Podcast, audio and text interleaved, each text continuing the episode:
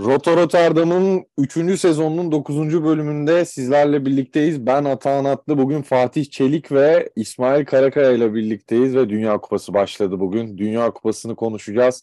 İsmail abi arada buraya katılıyor ama Fatih abiyi uzun süredir ağırlamamıştık. Ee, yanlış hatırlamıyorsam sadece bir kere ağırlamıştık ee, bir tane programda. Keyif vermişti. O yüzden hoş geldin Fatih abi. Nasılsın kısmını geçiyorum. Heyecanlı mısın Dünya Kupası? İlk maça bakma fırsatın oldu mu? Hoş buldum. Çok teşekkür ediyorum. Pandemi içerisindeydi Atancığım dediğin gibi. Direkt olarak hızlıca Dünya Kupası'na geçiş yapıyorum ben de. Abi e, herkes gibi ben de fiyasko bir organizasyon açısından yani bir fiyasko olduğu düşüncesinde olduğumu paylaşarak başlayayım öncelikle. İşte bu kiralanan e, taraftarlar, işte efendime söyleyeyim saçma sapan bir sezonun ortasında bir maç yapılması zaten. Maçtan dört gün önce çıkan işte şike skandalları gibi haberler yani. Bir tadımızı kaçırmış olsa da Ener Valencia'nın performansı sonrası ilk maçta yüreklere bir su serpildi. Beklenilen Dünya Kupası, arzu edilen Dünya Kupası buymuş dedirtti bir inciden. Süper Lig sevdalıları dört gözle izlemiştir yani maçı gerçekten. Zevkle izlemişlerdir diye girizgahımı yapayım. Hoş geldin abi. Çok teşekkür ederim. Evet. Ener Valencia bugün maça damgasını vurdu. Aslında 3 gol attı. Bir tanesi offside nedeniyle sayılmadı. İsmail hoş geldin. Ee, sen direkt o grupla başla. Maçı da istersen iki yorum yap ama o grupta neler olur? Ee, hoş. Sana hemen soralım. Hoş bulduk Atahan'cığım. Abi e, A grubuyla başlayalım. Zaten Ekvator'un kazanması gereken bir maçtı. Katar çok çok kötüydü yani. Hani maçta da hiç varlık gösteremediler. Şimdi yarınki Hollanda-Senegal maçında Senegal'i birazcık gözlemleyecek Ekvator rakibi olarak. Ve hani e, Ekvador-Senegal maçında da grubun ikincisi belli olacak gibi. Hollanda 1, e, Senegal 2 olur diyorum. Ben Ekvator 3 kalır. Katar'da muhtemelen gol bile atamadan elenir diye düşünüyorum A grubunda. Yalnız yarın o maç çok güzel olacak. Hollanda, Senegal e, bir Afrika dansı izler miyiz? e, Fatih abi Senegalli oyunculardan. Afrika dansı biliyorsun bu futbol severlerin şalalamadan beri e, içinde kalan uhdedir yani. Kesinlikle biz de küçüklüğümüzden beri hep böyle bir Afrika takımı illaki bir e, sempatizm sempati duyardık yani. Valla çok iyi olur ama tabii Senegal'de üzücü olan ya takımın yıldızı diyeceğin direkt adam kafadan Sadio Mane'nin olmayışı. Onunla alakalı da çok komik. Twitter'da görmüştüm. Çoraplarını çok sıkıyor diye abi. E, kas sakatlı mı, lif sakatlı mı ne yaşamış ya böyle dizinin üstüne kadar sıkıyor çorapları çekiyor falan. Doğru olan Jack Grealish tarzıymış mesela. Ben bunu bilmiyordum. Bunu Twitter'dan öğrendim yani. Böyle talihsiz bir olaydan ötürü yok. Yani tabii ki işi zor. Manesiz bir herhangi bir takımın işi zor. Ama ben de İsmail'e katılıyorum. Senegal Ekvator'un önüne yazılması gerektiğini düşünüyorum. Çünkü Avrupa futbolunun içinde yer alan işte kalecileri stoperleri Chelsea'den. İşte Gana Gay işte Fransa gezdi. İsmail Asar zannediyorum Fransa Ligi'nden yine. ben Ekvator'un çıkacağını düşünüyorum bu arada gruptan. Ee, öyle söyleyeyim. Bugünkü maçtan önce de böyle düşünüyordum. Bugün zaten gruba yazmıştım. Ee, yani kazanacaklarını düşünüyordum. Sıcak iklime de alışkın bir takım. Ee, öyle de bir farklı yorumum var e, o takımla ilgili. Hemen B grubuna geçiyorum buradan. E, İngiltere, İran, e, Amerika ve Galler. E, ben bu turnuvada Galler'in e, hiçbir şey yapamayacağını düşünmekteyim. E, İngiltere'nin yarı final hatta finale gidebileceğini düşün diyorum. Onu en son kısmı ona ayıracağım. Yani tam büyük tahminleri en son kısımda yaparız. E, o nedenle e, bu grup değerlendirmem bu şekilde. E, İsmail sen nasıl değerlendiriyorsun? Pardon yani ikinci Aa. çıkanı da Amerika diyorum. Evet ya İran da zorlayacak ama Amerika çıkacak çünkü bir önceki turnuvaya da ya da ondan öncekine yanlış hatırlamıyorsam gelmişlerdi. Biraz tecrübeliler yani. Evet bence de bu arada fena bir grup değil burası da. Yani İngiltere tabii önde ama İngiltere'den sonra 3 takım da ikincilik için yarışabilecek düzeyde kağıt üzerinde. Ama ben de Galler konusunda sana katılıyorum. Bir tık onların böyle artık patlayacağı turnuva olacak. Bu zamana kadar çok da iyi geldiler. Bale falan da hep şov yapıyor ama bence yani bu turnuvada bir tık geride kalacaklar. E, o konuda sana katılıyorum. E, burada İran bence ikinci olarak bir sürpriz yapabilir. Yani bugün hele Katar'ı izledikten sonra yani böyle düşük profilli takımların daha iyi oynamasına ihtiyacımız var Dünya Kupası'nda. İran bence o takımlardan biri olabilir. Hele bir de böyle siyasi olarak da karmaşık bir grup olarak görülebilecek e, bir durumda o B grubu. Hani İran burada emperyalizme karşı e, kendi ülkelerinde de karışıklıklar var. Belki futbolla yeniden bir zafer elde edip yani e, halkın da yüreğine bir su serpebilir. Fatih abi mimikleri hazırladın. Farkındayım. Hemen söz sana vereceğim. Ama şöyle içeriden bir bilgim var. İran'daki durumlardan dolayı futbolcuların turnuvaya katılmak istemediği konuşuluyor. Ters tepip hırs yaparlarsa çok iyi. Ee, bir de Fatih Çelik abimden bir Serdar Azmun yorumu almak isterim İran takımının forveti. Tabii ben her şeyden önce bu yorumu ekleyerek başlamak için jest ve hazırlamıştım. Tabii İran bugün Mehdi Taremi ve Serdar Azmun'la birlikte bomba gibi geliyor bu turnuvaya. Öncelikle bunu söyleyebilirim yani. Çok hazırlar, çok istiyorlar. Ben bu konuda tam tersini düşünüyorum. Yani böyle dünya çapında organizasyonlar topluma bir moral olması açısından da oyuncular illaki yani düşünüyordur ve bunun farkındadır. Yani hepsi rejime e, aynı düşünüyor veya farklı düşünüyorsun. Yani toplumu iyi hissettirmek için iyi sonuçlar alması gerektiğinin mutlu etmesi gerektiğinin farkındadır. Tabii Serdar Azmun da çok çok karakterli bir oyuncu yani bu e, İran takımına baktığın zaman. Şöyle bir baktığın zaman Serdar Azmun dediğin zaman diğer oyuncudan yani Arjantin'in Messi'si neyse İran içinde yani Serdar Azmun öyle bir konumda konumlandıracaktır. Yani bütün takım arkadaşları Serdar Azmun'un e, iyiliği için yani takıma hizmet etmesi için uğraşacaklardır. Yanında olacaklardır. Bu konuda bunu da e, iletmiş olayım ben buradan. Bütün bizi dinleyenlere diyeyim. Yani Serdar Azmun bambaşka bir turnuva geçirecek turnuva. Böyle söyleyebilirim. Çok teşekkür ediyorum. C grubuna geçelim çünkü uzun konuşacağız. İran kısmını geçiyorum. C grubu muhtemelen üstünde duracağımız bir grup. Grup Arjantin, Meksika, Polonya, Suudi Arabistan. Şimdi size ben bu şekilde girmek istiyorum bu grupla ilgili. İlk maç Messi 9 tane atsın istiyorsa. Yendi mi Suudi Arabistan'ı? Yendi. İkinci maç Meksika beraberliği. Sürpriz bir Meksika takımı. Çok iyi gelmişler. Olabildi dedik. 4 puan dedik. Nasılsa çıkıyoruz dedik değil mi? Polonya şok bir başlangıç. Üçüncü maç. Dakika 3 Lewandowski. 37. dakikada sinirlerine hakim olamayan Arjantin stoperinin penaltısıyla 2-0. Maçta 2-0 bitiyor. Olduramıyor. 4 puanla gruptan çıkamıyor. Meksika'da iki maçını yenmişti yerde. Ne yaparsınız beyler?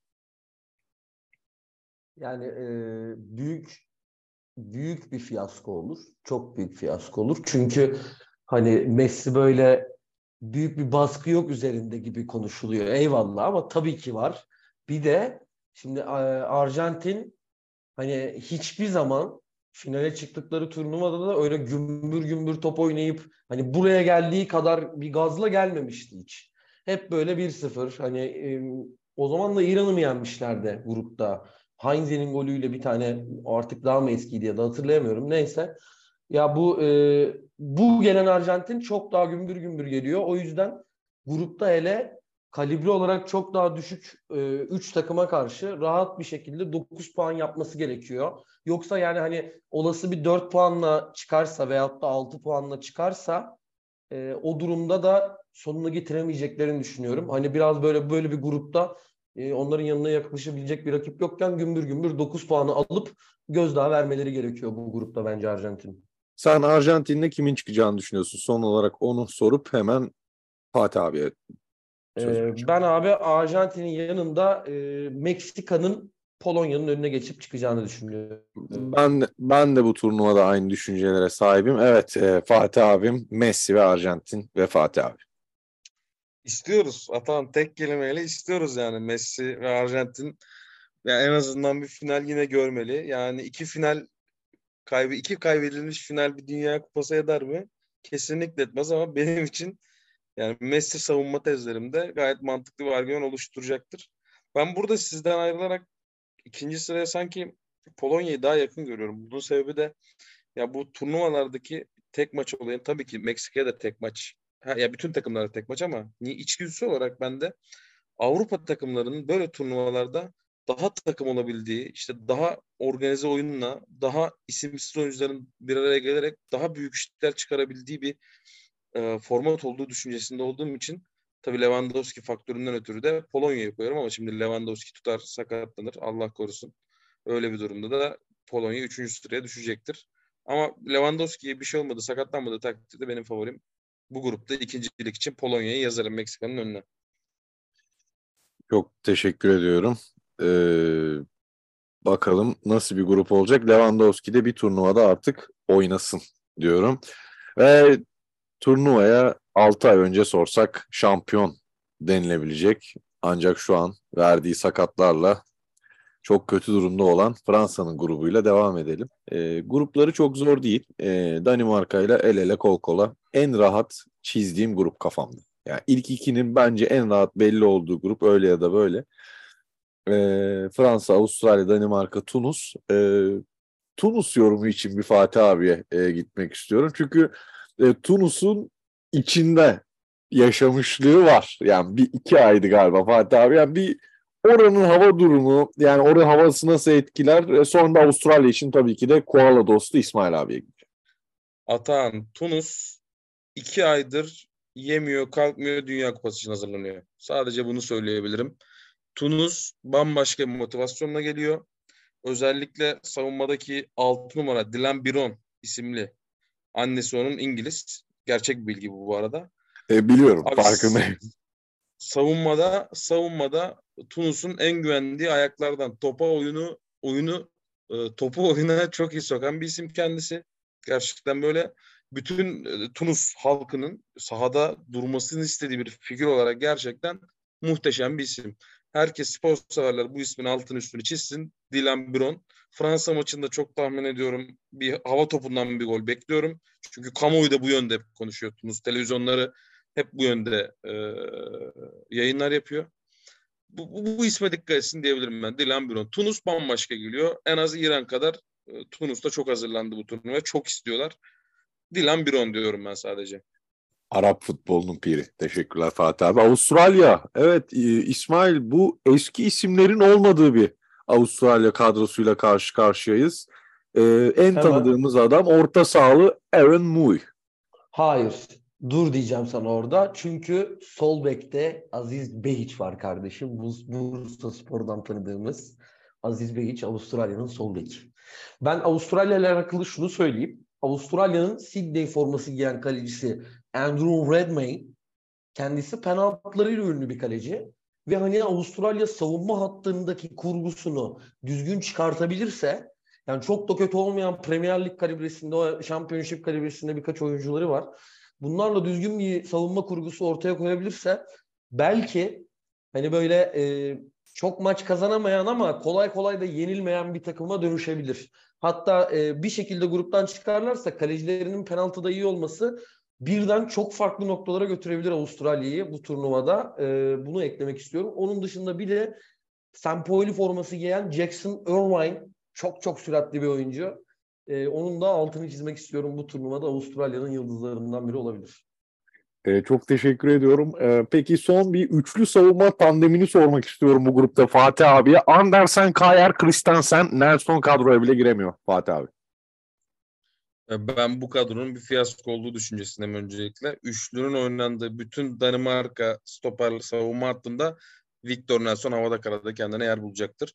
Bu arada bundan önce e, bildiğiniz üzere bir son 4 turnuvada gerçekleşen şampiyon körs dedikleri yani şampiyon takımın bir sonraki turnuvada direkt grup aşamasından eleniyor oluşu ya bu nedense bana bu sezon bu sene de böyle olacakmış gibi geliyor. Fransa bundaki temel sebep de şu olduğunu düşünüyorum ben. Danimarka bence taş gibiler hakikaten. 2020'den 2021'de oynanan Euro'dan sonra gerçekten taş gibi geliyorlar. Ve kafa kafaya olan maçta Fransa'ya olan maçlarında ben daha önde çıkacaklarını yani 3 puan alacaklarına inanıyorum. Tunus ve Avustralya ise fizik gücünü ve az önce dediğim gibi moral motivasyon gibi yani savunma futbolunu ön planda tutarak orta sahasında çok büyük eksiklik yaşayan e, Fransa'ya karşı zorlu dakikalar çıkarıp yani şöyle bir 4 işte 5 4 4 4 böyle bir matematik olabiliyor mu bilmiyorum da yani puanlar çok yakın bir şekilde elenen bir Fransa beni hiç şaşırtmaz burada.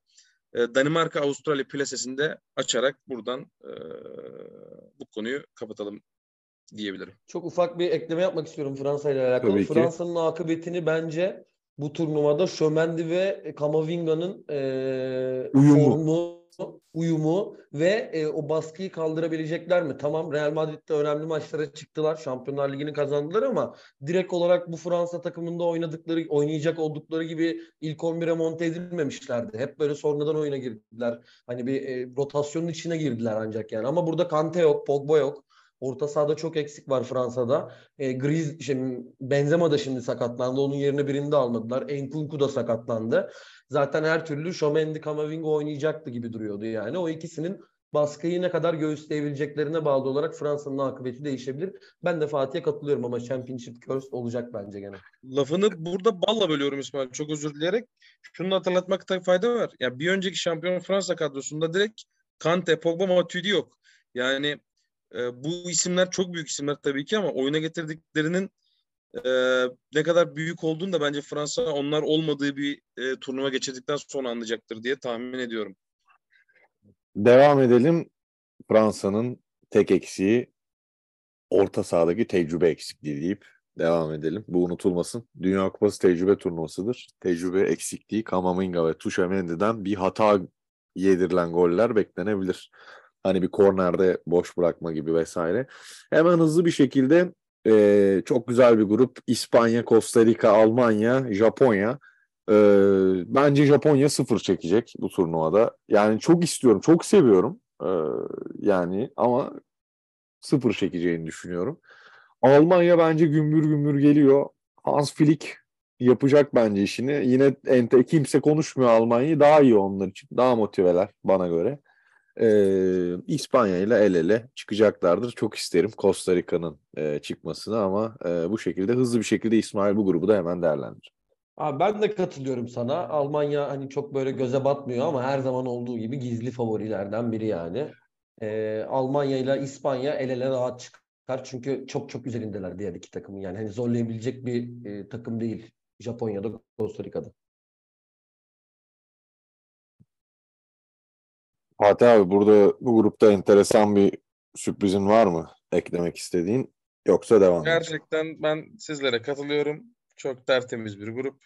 İspa Almanya İspanya diye sıralıyorum hatta. Bu ikilinin çok rahatlıkla güle oynaya, top çevire çevire çıkacağı bir grup olduğunu düşünüyorum ben de. Ve sıradaki gruba geldiğimde memleketimi görüyorum. Ee, ikamet ettiğim, ileride belki hayatımı sürdürmek istediğim Oh Canada. Kanada'nın grubu tecrübe eksikliği muhtemelen sıfır çekecektir Kanada. Ee, ama bir sonra da en sevdiğim takım Hırvatistan. Ee, dostum Lovio Mayer de e, çağrıldı. Finale kadar gidebileceği düşündüğüm ikinci takım. Ee, yani ben konuşmadık ama artık çıtlatayım. Brezilya diyorum kesin yani yüzde yüz bu arada onu anlatacağım da. E, finalde işte İngiltere mi Hırvatistan mı arasında kaldığım bir takım. E, Belçika Pasa falan puan kaybedecek bence de. Yani enteresan grubun devamını sıralayamadım ama yani tabii Hırvatistan Belçika demek zorundayım. Fatih abi nasıl görüyorsun bu grubu?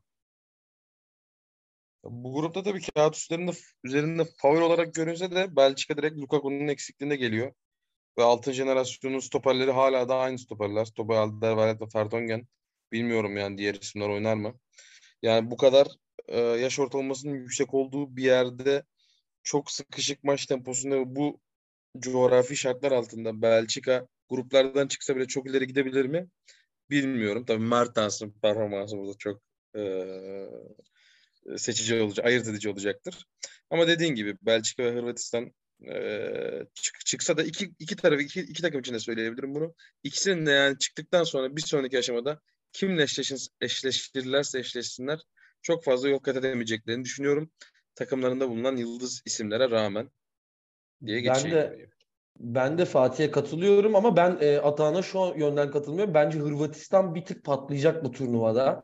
O yüzden yani Fatih'e şu anlamda katılıyorum. Bu gruptan çıkan muhtemelen bir sonraki tur direkt elenecek bence. Bu grup bir tık böyle beklentilerin altında kalacak performanslar. Yani Belçika'da da Hırvatistan'da da buradan sürpriz yapacak takım bence Fas olabilir bu arada yani. Vallahi Hırvatistan'ı hemen elediniz. Yani üzüldüm. İnşallah sürprizimiz Kanada olur diyelim ama gerçekten e, zor. Gerçekten e, zor bir durum. Hemen devam edelim. E, sıradaki grupla son iki grup kaldı. Brezilya, Sırbistan, e, İsviçre ve e, Kamerun. E, şahsi yorumum turnuva sahip, e, turnuvanın galibi olacağını düşündüğüm Brezilya. Tabii ki de e, bu arada 9 puan alamayabilir. Enteresan bir grup çünkü ama gruptan çıkacak bir takımdır. Şimdi buradaki ikinci takımı hepinizin çok merak ediyorum. İkinize de uzun uzun süre vereceğim. E, ben Brezilya bir, ikinci takım olarak da e, Kamerun diyorum. Bu grup bence ikincinin gene en zor belirleneceği gruplardan bir tanesi. Brezilya tamam. Brezilya her türlü birinci olacaktır bence de. Ben ikinciliğe Sırbistan'ı önde görüyorum. Onların da jenerasyon bayağı iyi. Onlar da gümbür gümbür geldiler elemelerde buraya. E, ama tabii şimdi İsviçre ya da Kamerun da çıkıp Sırbistan'ı veya başka bir rakibini daha yenip 5-6 puan yapabilirse ya da 4 puan yapabilirse şaşırtıcı olmaz. İsviçre'de Kamerun'da özellikle İsviçre Avrupa şampiyonalarında da hep yukarılara oynamış. Böyle gruptan çıkmaya oynamış bir takım. Kamerun'da her katıldığı turnuvaya renk katan bir takım. O yüzden bu grubun ikincisi en zor belli olacak gruplardan biri diyorum ben. Ama sen Sırbistan dedin. Ee, Sırbistan dedim, evet. Fatih Bey siz ne düşünüyorsunuz bu grupla ilgili? Geniş bir yorum alabilirim. Allah geniş bir yorumdan ziyade çok yine birincinin e, kim olduğu çok bariz belli Brezilya. Ben burada ya bu Sırbistan ve İsviçre'nin çok garip bir şekilde kendi aralarında yap oynadığı maçtan çok bu iki takımın Brezilya ile oynadığı maçın gruptan çıkanı belirleyeceği yönünde bir tahminde bulunabilirim. Ve bu konuda İsviçre'yi ben e, daha yakın buluyorum yani çünkü böyle yani daha favori olmayan takımların olduğu maçlarda özellikle böyle kısa çok kısa vadeli turnuvalarda daha isimsiz olan yani daha böyle takım olmayı becerebilen e, takımlar sanki daha zorluk çıkarabilirler gibi geliyor. Yani Sırbistan'ın Brezilya mağlubiyeti ve İsviçre'nin Brezilya beraberliğiyle birlikte gruptan ikincilikle çıkan bir İsviçre görüyor gibiyim. Tabii Kamerun da bu konuda ben asla e, uzan altında bırakmıyorum. Kamerun da elinden geleni yapacaktır. Brezilya'ya belki de Neymar'ı çıkartıp santifor aldıracaktır. Bunları da yapacaktır Kamerun. Ama e, Avrupa oyunu e, bilişinden ötürü ben İsviçre diyorum ikinciliğe burada. Kamerun'u baskılı baskılı söyleyince biraz konuşmak istedim. Tüylerimi gösterdim sizlere. E, çünkü çok aç bir Abubakar var ve federasyon başkanının son dört gündür takıma yemek vermediği konuşuluyor. Sadece top verip idmana çıkartmışlar takımı. Yani çok enteresan bir Kamerun takımı bekliyorum. Ee, çok farklı da e, koreografi e, peşindelermiş. Enkudu'nun örneğinde e, gol olursa e, çok acayip danslar izleyebiliriz o, o takımda. Son olarak turnuvaya is- Çok e, Fatih abi. geçmeden Atan abi. Ben Kamerun deyince buraya araba, araya girme zorunlu hissettim. Choupo-Moting'in takım arkadaşlarıyla bizzat turnuvanın en güzel golünü atmaya iddiaya girdi. Ben bizzat biliyorum. Yaklaşık yaklaşık 23 metre bandında e, Brezilya ağlarına yine. Böyle bir iddiaya girdiğini ben bizzat söyleyebilirim. E, bu konuda kesinlikle itimadınız tam olsun bana. Öyle bir gol olur böyle- ki pardon pardon. Evet. Choupo-Moting bizzat arkadaşlarına diyor ki ben yani ilk 23-25 metre bandından turnuvanın en güzel golünü atacak. Öyle o kadar güzel olabilecek bir gol atacağım diye iddia girdi. Ben bizzat biliyorum hatta. Ya öyle bir gol diyorsun ki telesiyej bağlasak 4 dakikada anca varır mesafede. Devam edelim. Turnuvanın yine önüne geçmeye çalışan, hayatta tek amacı ön planda olmak isteyen e, enteresan bir elemanla karşınızdayız. Yapılan ayıp mıdır? Ayıptır. Oraları tabii ki biz hiç ki- kimsenin yani orada bir ters düşüncesi yok. Ronaldo'ya tabii ki ayıp yapıldı ama bırak da turnuvamızı oynayalım. Biz Ener Valencia'yı izlemek istiyoruz. Bu turnuva onların turnuvası. Sadece senin turnuvan değil. Kendine çeki düzen ver. İlk maç hat-trick yap. Bizi bozma. Bizi bozma. Yap hat-trick'i bir gönlümüzü al. Al ya bir şölen izlet yani şöyle.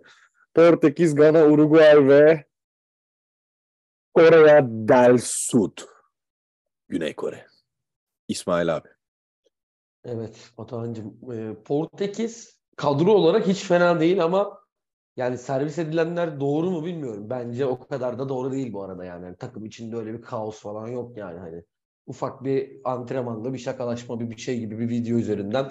Ronaldo da tam bu aralar böyle bir dışlanıyor Manchester United'da hani. O yüzden bence o kadar büyük bir problem yok. Burada Portekiz çıkacaktır her türlü.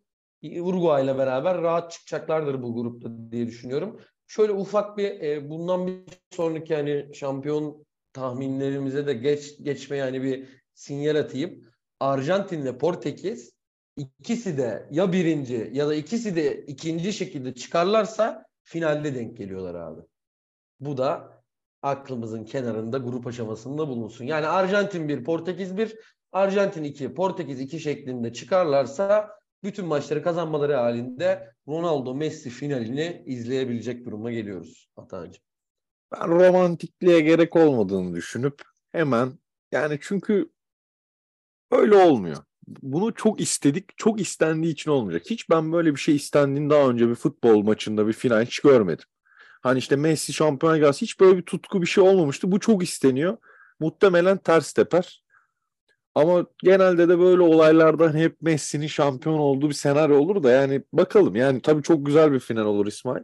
Ben bu grupta sözü Fatih abiye vermeden önce bu grupla ilgili şöyle bir Gana kadrosuna bakıyorum da yine Fatih abi ya inanılmaz bir adammışlık, inanılmaz bir büyü. E, Parti Abdul Samet e, orta sahası Kudüs çok formda geliyor. Genç yetenek dünyaya adını söz ettirecek bu arada.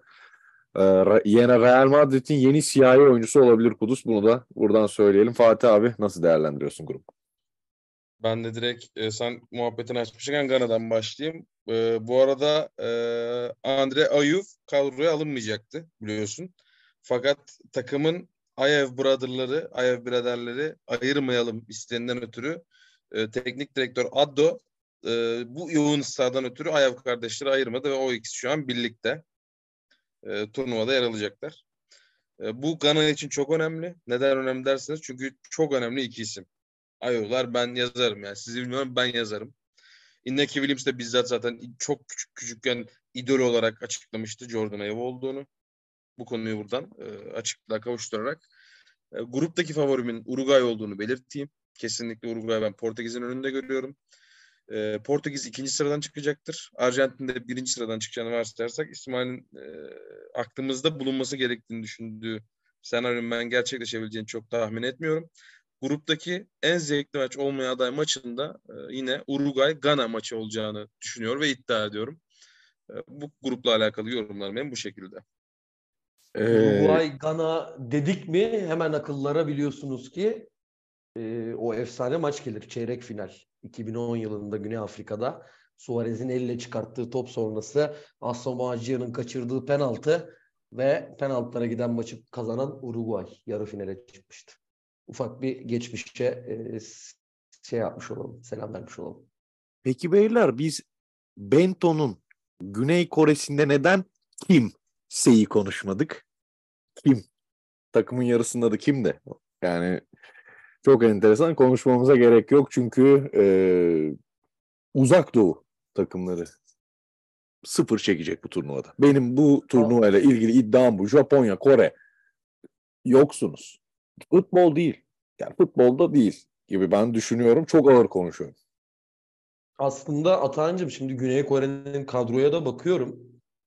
Hiç fena olmayan bir hücum hatları olabilir yani. Kim? Yani Alman liginde e, Kim, Sung, Chan, Kim? Yong, Wang. Bunlar hep önemli isimler yani. O yüzden e, ya tabii ki çok bir şey yapamayacaklardır ama belki renk katabilirler bir iki maça grupta yani. Uruguay çok enteresan bir sürpriz yapabilir turnuvada. Çünkü Valverde ve Nunez bile form tuttu son dönemde. Onu da söyleyip hemen şimdi turnuva şampiyonları son 5 dakikamız hızlı bir şekilde kim şampiyon olur? Çok kısa da nedeni ben başlıyorum. Ben Brezilya'nın şampiyon olacağını düşünüyorum. Finali de o, ya Hırvatistan ya İngiltere ile oynayacağını düşünüyorum Brezilya'nın.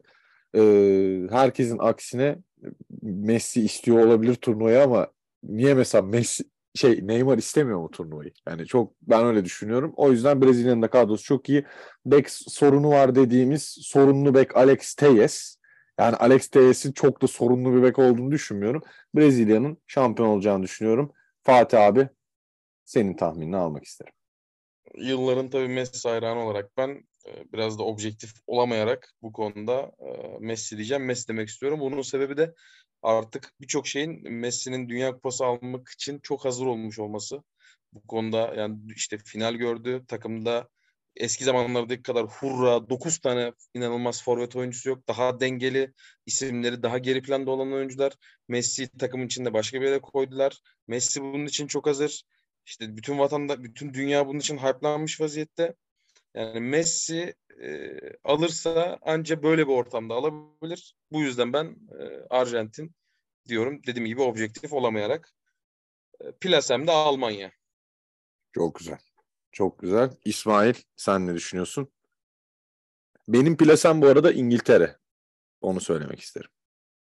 Bence ben de yani bu arada çok objektif olamıyorum tabii de. Bir de az önce e, Portekiz'in grubundan bahsederken kafamda kurmuş olduğum fanteziyi de anlattım. Hani bu fantazi olursa çok güzel olur. Portekiz Arjantin finali. Tamam. Ama tabii ki çok muhtemel mi? Değil. E, ben de Arjantin, Almanya, Brezilya üçlüsünden ikisinin finalde karşılaşabileceğini düşünüyorum. Sizi böyle bir harmanlamış olayım. Ee, Arjantin, Almanya ve e, Brezilya üçlüsünden ikisinin finalde olacağını düşünüyorum. Ya umarım bu arada gerçeklerin dışında bir turnuva olur. Mesela yani Uruguay şampiyonluğu e, tadında bir turnuva olur. E, ya bakalım nasıl olacak. E, grup şemalarında hani bir öngörü yaptım. Hani kendi çıkanlar falan. Öyle çok sürpriz takım çıkmıyor zaten son 16'ya. Yani çıkartsan çıkartsan mesela ben de ben Ekvador'u yazmıştım. Ekvador, Meksika, Amerika yani ki o gruplarda da hani herkes çok şey değil. Tabii ben Uruguay Uruguay'ı çıkartmışım. Kamerun'u da çıkartmışım gruptan. Kendi şeyimde onu gördüm. Ee, Fatih abi son olarak ne istiyorsan onu söyle abi turnuvayla. Gerçekten yazıklar olsun diyorum öncelikle. Böyle bir takvimde, böyle bir skandallar silsilesi eşliğinde alınan saçma kararlar, yapılan saçma açıklamalar eşliğinde alınan iğrenç bir karar neyse umuyorum iyi bir turnuva geçecektir. E, turnuvanın ilerleyen turlarında da beraber olacağızdır diye tahmin ediyorum Atancığım. Böyle havaya tahmin edip bırakmış olmayalım yani bu e, grup tahminlerini, şey tahminlerini. Gruplar bittikten sonra da bir yarı final, çeyrek final, final, onun adı da final 17'si mi 18'i mi? Bunları da konuşuruz diye tahmin ediyorum. Ee, Ve tabii çok ki. teşekkür ediyorum beni de konu ettiğin için aynı zamanda. Her zaman. Ee, çok teşekkür ederim. Şey tabii ki devam edecek. Hiç merak etmeyelim. Ee, İsmail abi senden e, ben söyleyeyim bu arada Harry Kane. Bence gol kralı Harry Kane olacak. Senden de gol kralı alayım son bir. Ener Valencia. İyi akşamlar. Yani grup aşamasında 5 tane atar zaten bırakır falan mı diyor. Yani yeter. Yeter. Aynen. Yani aynen öyle düşünüyorum. Grup aşamasında 5 taneyi bulduğu zaman zaten 5'i geçemez. Yani Müller geçer bir ancak yani. Ee, Fatih abi sana hemen hızlı sorular. Ee, bugünkü hakemin bu kadar fazla sarı kart göstermesi. Gerçekten skandal. Hiç tasvip etmediğim hareketler. Futbol zevkini e, çok geri plana atan çok hiç tasvip etmediğim hareketler. Maçı çok iyi yönetti ama çok sarı kart gösterdi. Ee, İsmail hemen kontra soru. Griezmann'ın form durumu ne olacak turnuvada? Griezmann Fransa formasıyla her zaman golcülüğünü konuşturabilecek bir adamdır bence. Kesinlikle. Ee, Fatih abi çok hızlı soruyorum. Kamerun'da ilk, Martinez. Kamerun'da ilk gol atacak oyuncu. Nerede? Kamerun'da. Kamerun. E, Jordan Ayew. Birader değillermiş galiba bu arada dedin. Beni çok güldürdün. Çok teşekkür ediyorum. Ee, herkese mutlu bir gün diliyoruz. Hoşçakalın. Esen kalın.